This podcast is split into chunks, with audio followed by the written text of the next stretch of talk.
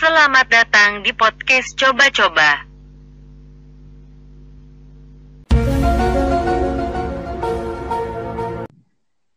Dadah. Dadah. Mulai kan nih? Gas? Oke. Puji-puji nih tahu. Bahasa Indonesia lah. Jangan bahasa Banjar. Iya ya. Jangan tahu, Pak. Podcast Ambiar. Hai guys. Welcome to podcast Ambiar. Oke, langsung saja. Jadi ini udah ada 10 pertanyaan yang kita pilih di IG dan di WhatsApp. Maaf banget buat teman-teman yang belum bisa dibahas pertanyaannya di podcast kali ini ya. Perkenalkan, nama saya Nurni. Saya berperan sebagai moderator. Dan hari ini kita mempunyai dua pembicara loh. Kita mulai dari pembacaan siapa pembicara kita ya. Yang pertama, ada Wilda Anastasia. Bersekolah di SMA Negeri 8 Banjarmasin. Jabatan organisasi sekarang sebagai Ketua OSIS SMA Negeri 8 Banjarmasin. Ketua Umum Forum OSIS Banjarmasin. Sekretaris Umum Forum OSIS Nusantara. Nah, lanjut ke pem kita yang gak kalah keren ya. Namanya adalah Muhammad Rijaldi Padilla. Bersekolah di S di Man 2 Model Banjarmasin. Jabatan organisasi sekarang Ketua Umum Forum OSIS Banjarmasin. Wakil Ketua OSIS Man 2 Banjarmasin. Forum Anak Kota Banjarmasin, anggota termuda 2016. Jadi, gak usah lama-lama lagi. Langsung aja kita mulai ya dari pertanyaan nomor satu. Pertanyaannya adalah, Hai, jadi aku mau nanya nih, enak gak sih jadi pemimpin? Hayo, siapa yang mau jawab duluan nih? Oke, jadi pertanyaannya adalah enak nggak sih jadi seorang pemimpin? Jawabannya ada enaknya dan ada enggaknya.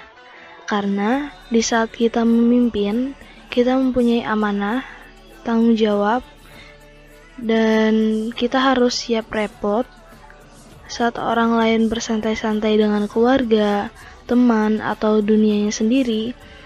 Seorang pemimpin harus memikirkan langkah-langkah organisasinya, keawetan anggotanya, siap dibenci, siap dimaki.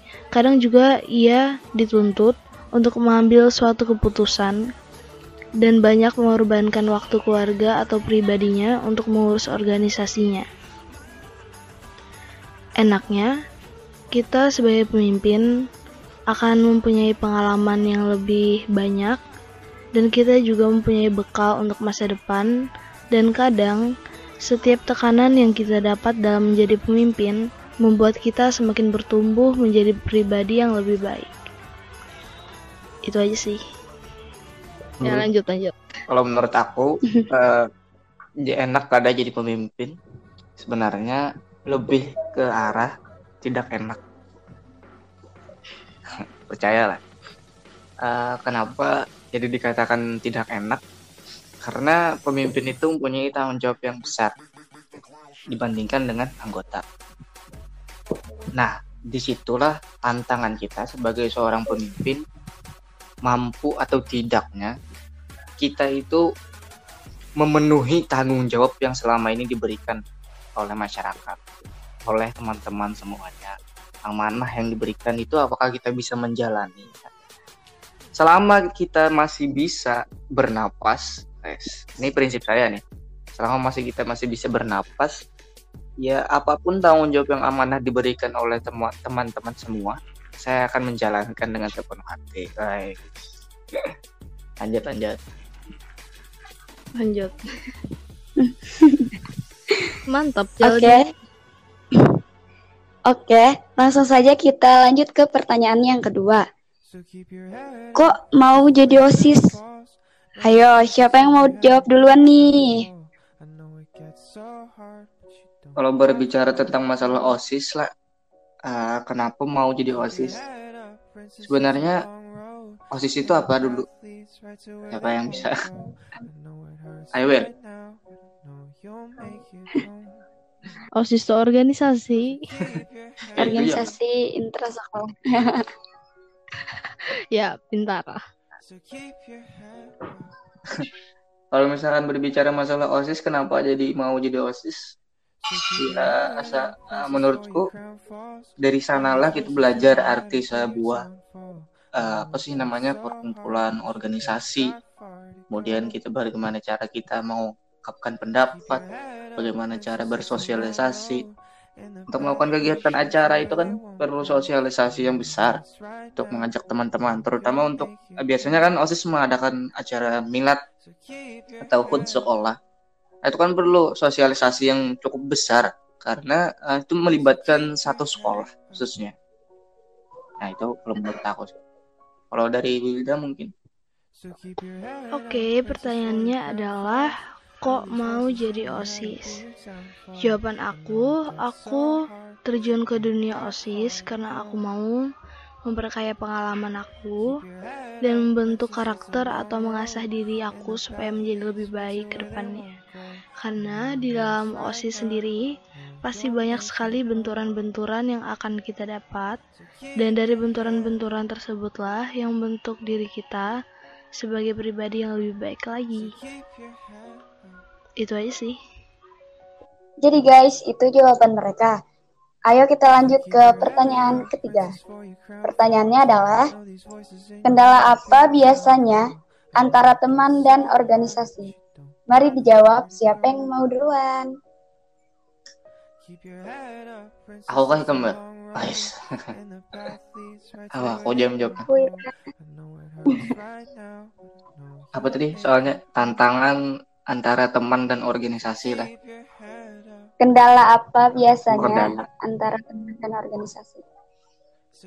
Biasanya lah, kalau uh, berbicara masalah teman, teman itu kan uh, banyak, entah itu teman sekomplek, teman seorganisasi, teman sekelas, teman bermain, banyak macam-macam kategori teman. Lalu uh, kendala apa antara teman dan organisasi? Biasanya tuh inilah masalah yang sering aku temui antara anggota-anggota aku lah di saat lagi ada acara itu kan lagi rame-ramenya. Nah di sana itu biasanya kita sebagai osis panitia harusnya uh, apa sih? Harusnya itu lebih berfokus kepada suatu acara uh, kegiatan nah, ibaratnya gitu. Tetapi di sini uh, yang namanya kita naluri manusia jiwa kemanusiaan kita pasti ingin yang namanya ingin menikmati acara. Nah karena teman-teman kita uh, khususnya kita uh, biasanya teman sekelas ya. Karena teman-teman sekelas kita itu bukan dari uh, dari panitia kita dari panitia mereka berhak untuk eh, menikmati sebuah acara. Lalu di situ kita diajak biasanya diajak oleh teman sekelas untuk menikmati acara gitu dan ketika ada suatu problem di acara tersebut kita lalai. Nah itu biasanya yang sering ditemui lebih uh, lebih berteman pekawan dibandingkan dengan berfokus pada kegiatan. Itu biasanya kendala antara teman dan organisasi lalu banyak lagi kendala-kendala seperti contohnya misalkan uh, teman mengajak jalan-jalan tapi kita lagi ada rapat misalkan lagi ada seminar itu biasanya kehambat banget. Tapi bukan jadi suatu masalah yang besar karena uh, bisa-bisa kita jalani ibaratnya bagaimana kita memposisikan sebuah posisi kita ini? Di mana itu bisa menjadikan tolak ukur bisakah kita membagi waktu? Kalau dari Wilda mungkin. Kendala teman dan organisasi. Kendala dalam organisasi dan teman lebih banyak ke pembagian waktu sih antara teman dan organisasi. Jadi uh, sedikit curhat.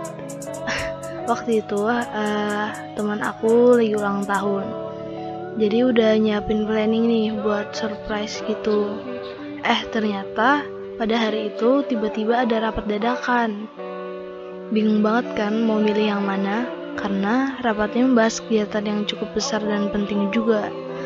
Dan saat itu secara tidak langsung uh, dituntut untuk mengambil suatu keputusan. Akhirnya ambil keputusan nih rapat dulu kalau sempat ya langsung nyusul Nah, setelah rapat, ada notif VA nih masuk. Ternyata pada nanyain udah selesai atau belum. Terus aku langsung otw tuh. Nah, pas, sam pas sampai kaget banget karena makanan yang kami pesen itu yang kayak pesen waktu awal mau nge-surprise gitu masih utuh nggak ada dimakan sama sekali cuma dibeliin doang yang duluan aja dan di situ aku bersyukur banget punya teman kayak mereka yang paham banget sama keadaan aku di antara kesibukan aku dan uh, osis yang rapat mulu dan terima kasih untuk kalian. Jadi kita lanjut ke pertanyaan keempat. Pertanyaannya adalah bagaimana cara supaya bisa selalu akrab dalam berteman dan berorganisasi. Dari Wilda atau dari Jali dulu yang jawab? Jali. Bagaimana cara supaya apa Supaya bisa, bisa selalu, selalu akrab, akrab dalam berteman dan berorganisasi. Ya lebih kayak cerita Wilda tadi lah karena apa ya sebenarnya uh, kalau kita menja uh, jadi oasis biasanya kita sibuk biasanya lah. Apa segala macam. Uh, itu sih lebih ke siapa caranya kita membagi waktunya itu. Apa caranya kita membagi waktu ketika yang mana yang lebih di diprioritaskan lebih dulu. Antara teman atau organisasi. Biasanya itu juga terjadi di pribadi masing-masing orang. Cuman waktu ini, waktu ini paling susah menurutku. Karena biasanya ada di posisi yang mau kada mau kita harus uh, meninggalkan satu. Nah, itu sama kayak Wilda tadi uh, meninggalkan teman sementara untuk dapat posisi dan setelah itu baru kan lebih kalau menurut aku lebih ke waktu sih untuk bisa mengangkati teman para teman. Kalau dari Wilda mungkin ada jawaban lain. Sama aja gitu kayak tadi. next aja next. Lanjut ke pertanyaan kelima ya. Pertanyaannya adalah, pernah nggak sih capek dan mau nyerah aja dalam berorganisasi? Wah, pasti pernah tuh. Ya lah, Will. Eh, eh, sering. Jawab, jawab, jawab. Siapa dahulu nih? Bebas lah. Uh, lebih apa ya kalau pernah capek itu pasti ya capek pernah apalagi posisi kita di situ masih belum jadi pemimpin. Misalkan uh, kan kita tuh masih jadi anggota. Ya loh di situ mm -hmm. pasti ada problem. Pasti pasti ada problem di situ. Sebuah organisasi baik internal maupun eksternal. Nah problemnya itu biasanya dengan kakak kelas uh, dengan uh, apa segala macam. Nah di situ pasti posisinya uh, pasti hendak oh aku nih hampir dah. Miak dah ya biasanya kayak itu bang udah udah ya udah kalau tiap organisasi itu pasti ada masa-masa sulitnya. Dan tapi kayak pak yang harus kita tanyakan ke diri kita tuh apa yang kita lakukan di saat kita mengalami masa sulit tersebut. Dan kadang masa sulit itu membuat kita bertumbuh dalam kepedihannya wes. Ambiarnya uh, tergantung dari kita ya lagi hendak membuat masa sulit itu sebagai uh, sebagai apa ya sebagai penjatuh atau yang membuat kita, kita. menguburkan segala mimpi-mimpi kita atau membuat itu sebagai pacuan untuk kita menjadi lebih baik ke depannya semua tuh ada di kita sih sebenarnya tapi itu uh, lebih kayak tantangan lah Willa kalau seandainya kita nih yeah. bisa melewatinya mungkin akan lebih baik jauh lagi ke depannya Tapi seandainya kalau Iya kita betul. stop misalnya lebih ke menuruti hawa nafsu kayak ego hendak ampih aja mungkin eh, keberhasilan tuh tertunda menurutku karena sebuah keberhasilan tuh kada ada yang kada berhasil tapi cuman waktunya aja lagi timing Iya, karena kita tuh dilahirkan bukan sebagai seorang pengeluh, tetapi sebagai seorang pejuang. Wes. Mantap. Ambiar banget. ya next. Lanjut lanjut. Next lah. Oke, kita akan lanjut ke pertanyaan keenam. Pertanyaannya adalah cara mengaktifkan anggota yang pasif menjadi aktif. Ayo guys, jawab. Man- mantap nih Will Eh, pengalaman Jadi jadi. jauh lebih ke pengalaman Will cara mengaktifkan anggota yang pasif menjadi aktif. Menurutku ini adalah sebuah masalah yang lumrah yang pasti terjadi di setiap organisasi. Tau lah kalau menurut aku ini pasti dah. Dari sekian banyak organisasi yang aku sudah jalani ini itu sudah menjadi masalah lumrah. Ya lah Wil? Iya betul. kayak uh, ada anggota yang banyak ngomong tapi gawinya ada ada anggota yang macam-macam pokoknya. Apalagi yang pasif. Yang pasif nih ketika rapat misalkan hadir cuman diam atau paling parah lagi kada hadir pas rapat nah itu paling parah benar. Seandainya hadir aja alhamdulillah benar. Nah lalu ada beberapa kemungkinan kenapa anggota tersebut menjadi pasif. Yang pertama, mungkin karena uh, bisa dibilang tidak niat untuk berorganisasi. Itu yang pertama, karena mungkin uh, faktor uh, dukungan dari mamahnya, dari orang tuanya yang mungkin yang hendak uh, si dia ini mau jadi OSIS. Tapi dari hatinya mungkin tidak mau jadi OSIS. Itu yang pertama. Yang kedua, mungkin karakter si orang ini adalah pendiam. Nah, itu tadi. Karakter orang ini pendiam mungkin uh, lebih dingin. Jadi ketika uh, bisa dibilang aku kadang mengatakan itu introvert bukan, tapi lebih ke cuek. Nah, itu tadi. Ada beberapa karakter orang. Nah, karakternya ini pendiam. Lalu ketika dia ingin bersosialisasi, dia tuh malu untuk mengemukakan pendapat. Biasanya didapatkan uh, siapa nih yang mau mengungkapkan pendapatnya? Nah itu itu kan tadi. Kemudian yang ketiga kurangnya dihargai. Menurutku itu. Yang ketiga itu kurang dihargai sebagai anggota lalu dia memilih untuk pasif. Nah itu.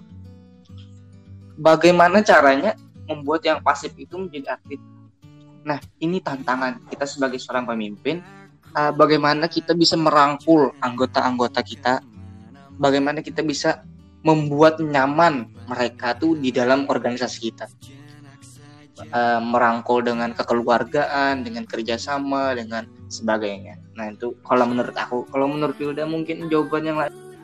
Mengaktifkan anggota yang pasif. Jadi, untuk masalah seperti ini, uh, adalah masalah yang cukup lumrah dan selalu ada di berbagai organisasi.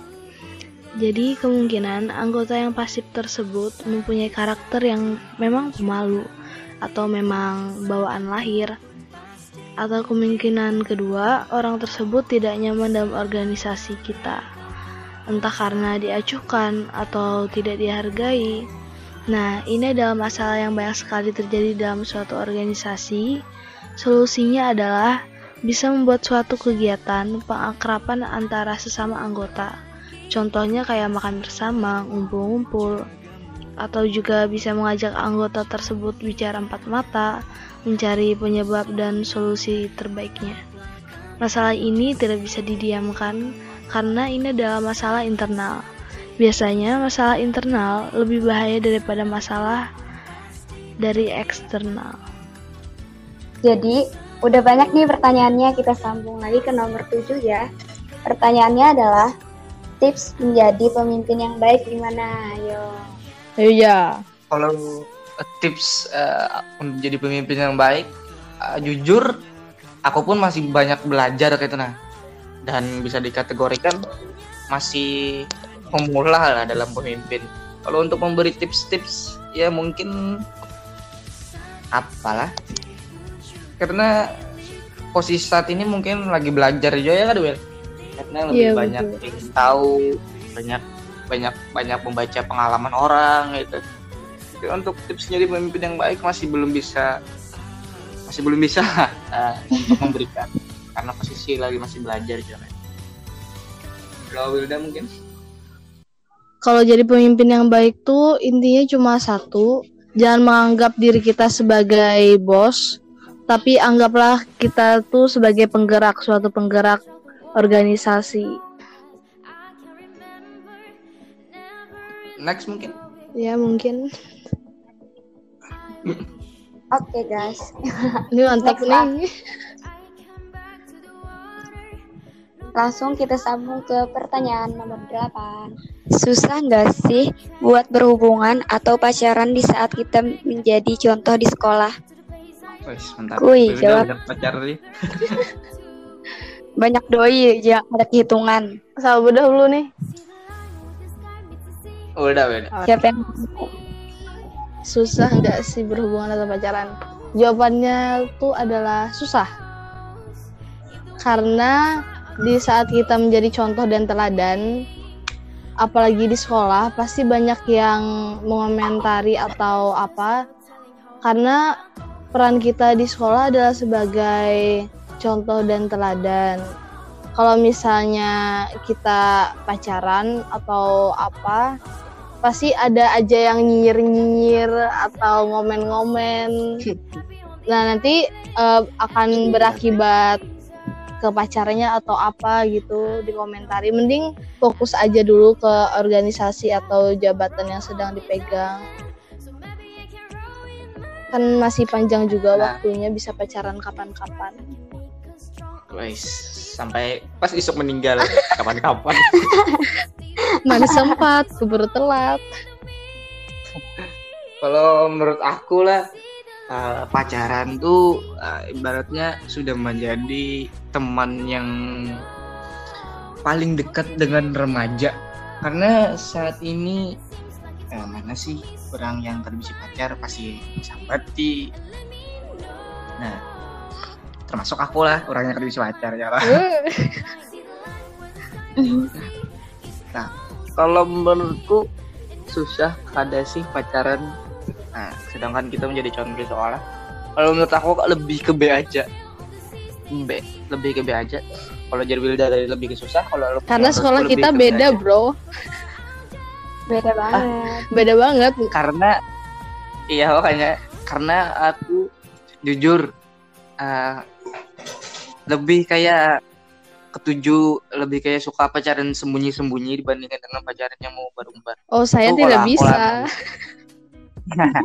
nah itu jadi masa ah, dari pengalamanku lebih ke B aja karena aku pacaran mungkin ah, tidak yang mengumbar-umbar sana sini kayak misalkan lebihan paling cuma sesekali aja gitu jadi lebih ke B aja bang Kita berbeda. ya siapa tahu kan ah, dari sana kita berbeda kemudian menjadi satu kesatuan akai Next, next. Next kah? Mm-mm. next next Kita lanjut ke pertanyaan ke-9. Eh, ulang-ulang. Oke, kita akan lanjut ke pertanyaan yang ke-9.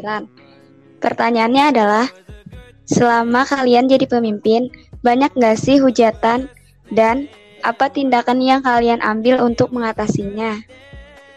Wih, hujatan ini sudah menjadi barang tentu makanan sehari-hari lah. Iya, sehari-hari. Banyak netizen.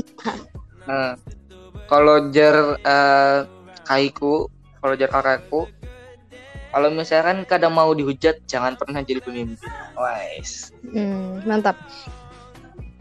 Eh, tindakannya kalau menurut aku kan eh, hujatan itu sudah barang tentu pasti dan selalu akan menjadi pasti dapat hujatan.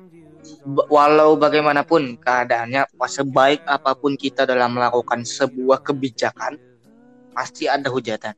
Nah, kalau menurut aku lebih ke menjadi acuan itu sebagai kritik masukan yang membangun. Jangan jadikan itu sebagai haters. Karena uh, setiap kali uh, disambati kemudian dihujat itu menjadi semakin up mental. Ya apa caranya supaya kita itu lebih lebih dibagusi lagi kinerja kita, lebih diperbagus lagi.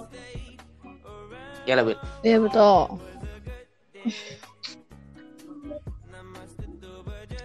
Ini kada hilang lagi loh suara anda. Tolong aja nah. Kada hilang. Oke. Kalau misalnya jawaban dari aku, kalau misalnya kita dapat hujatan itu, alangkah baiknya kita uh, membuat filter terhadap diri kita sendiri. Jadi kita harus uh, membuat Instagram dong. seperti kayak membuat suatu kebijakan. Kalau misalnya hujatan itu bersifat membangun, uh, boleh tuh masukin ke dalam diri kita supaya diri kita semakin baik ke depannya. Tapi kalau misalnya hujatan itu sekedar cuma bacotan atau omong kosong yang nggak terlalu penting, ya nggak usah dipikirin, nggak usah dianggap serius aja. Karena uh, kita nggak makan dari hujatan itu, bro, dan kita nggak makan dari mereka. Kita makan nasi bro. Iya. Selagi kita benar ya kenapa harus mikirin yang enggak enggak gitu? Tapi biasanya lah yang um, jadi heran tuh kayak ini uh, Inya mujat. Uh, Inya mencaci maki dengan kinerja kita dengan kebijakan kita tapi sedangkan uh, Inya sendiri karena mampu kan nah, untuk membuat kebijakan seperti apa yang kita buat biasanya kayak itu bang Iya, karena nggak ngaca gitu loh. Karena ada pepatah mengatakan uh, singa ditakuti karena diamnya, anjing dimainkan karena gonggongannya. Yes. yes. Next, next. Guys, udah nggak terasa nih, udah ke pertanyaan terakhir. Pertanyaannya adalah, selama bergabung dalam organisasi, ada nggak sih hambatan Ayo. dari keluarga kalian? Ayo dua. Jadi jadi. Ayo jauh duluan. Selama bergabung di organisasi, hambatan dari keluarga uh, kada ada bang. Uh, menurutku karena selama ini aku jalani ya keluarga mendukung aja hmm. apalagi dari mama mungkin. Nah betul. Uh, lebih mendukung gitu. Ada bang hambatan. Biasanya banyak orang yang dihambat keluarganya contohnya temanku lah. Uh, untuk rapatnya susah ada hadir karena keluarganya tuh kayak ibaratnya bisa disambat kudet mungkin. Aku ada menyambut karena uh, biasanya yang tidak mengerti apa itu organisasi mungkin akan tidak memperbolehkan anaknya untuk ikut tapi kalau misalkan orang tuanya orang tua yang berpendidikan mungkin orang tua yang uh, mempunyai pikiran terbuka mungkin akan men menyuruh anaknya mungkin uh, untuk ikut organisasi dari dibandingkan dengan belajar di rumah kalau menurut gua Wilda mungkin. Kalau dari keluarga aku sih ya yes yes aja. Apalagi mama kan kayak selalu ngedukung aja apa yang kita ambil gitu. Selama itu enggak nggak nggak salah iya nggak bersifat negatif ya ngedukung aja. Kayak ngesupport untuk ikut apa apa ya bersyukur lah punya emak yang gitu kan dibandingkan dengan dibandingkan dengan ini tidak boleh itu tidak boleh. Ya tidak boleh tidak boleh. Biasanya itu tuh anak kesayangan mah oh tunggal tunggal semata wayang.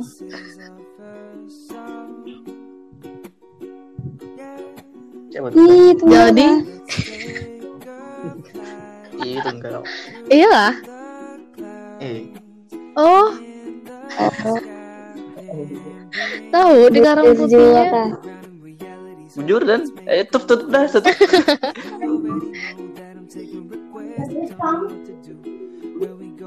Ayo tutup. Edit bagus. Iya tutup. Tutup kan. Tutup kan nih. Oke guys, kita tutup. Jadi sudah selesai semua pertanyaan-pertanyaannya. Terima kasih telah mendengarkan pertanyaan-pertanyaan yang telah dibahas dan sudah dijawab oleh pembicara kita Jawabannya cukup ambiar Ambiar. sekali ya guys. salah hilap, salah kata mohon dimaafkan. Jangan lupa mampir terus ke Bye bye. podcast ambiar ya. Bye. Bye bye.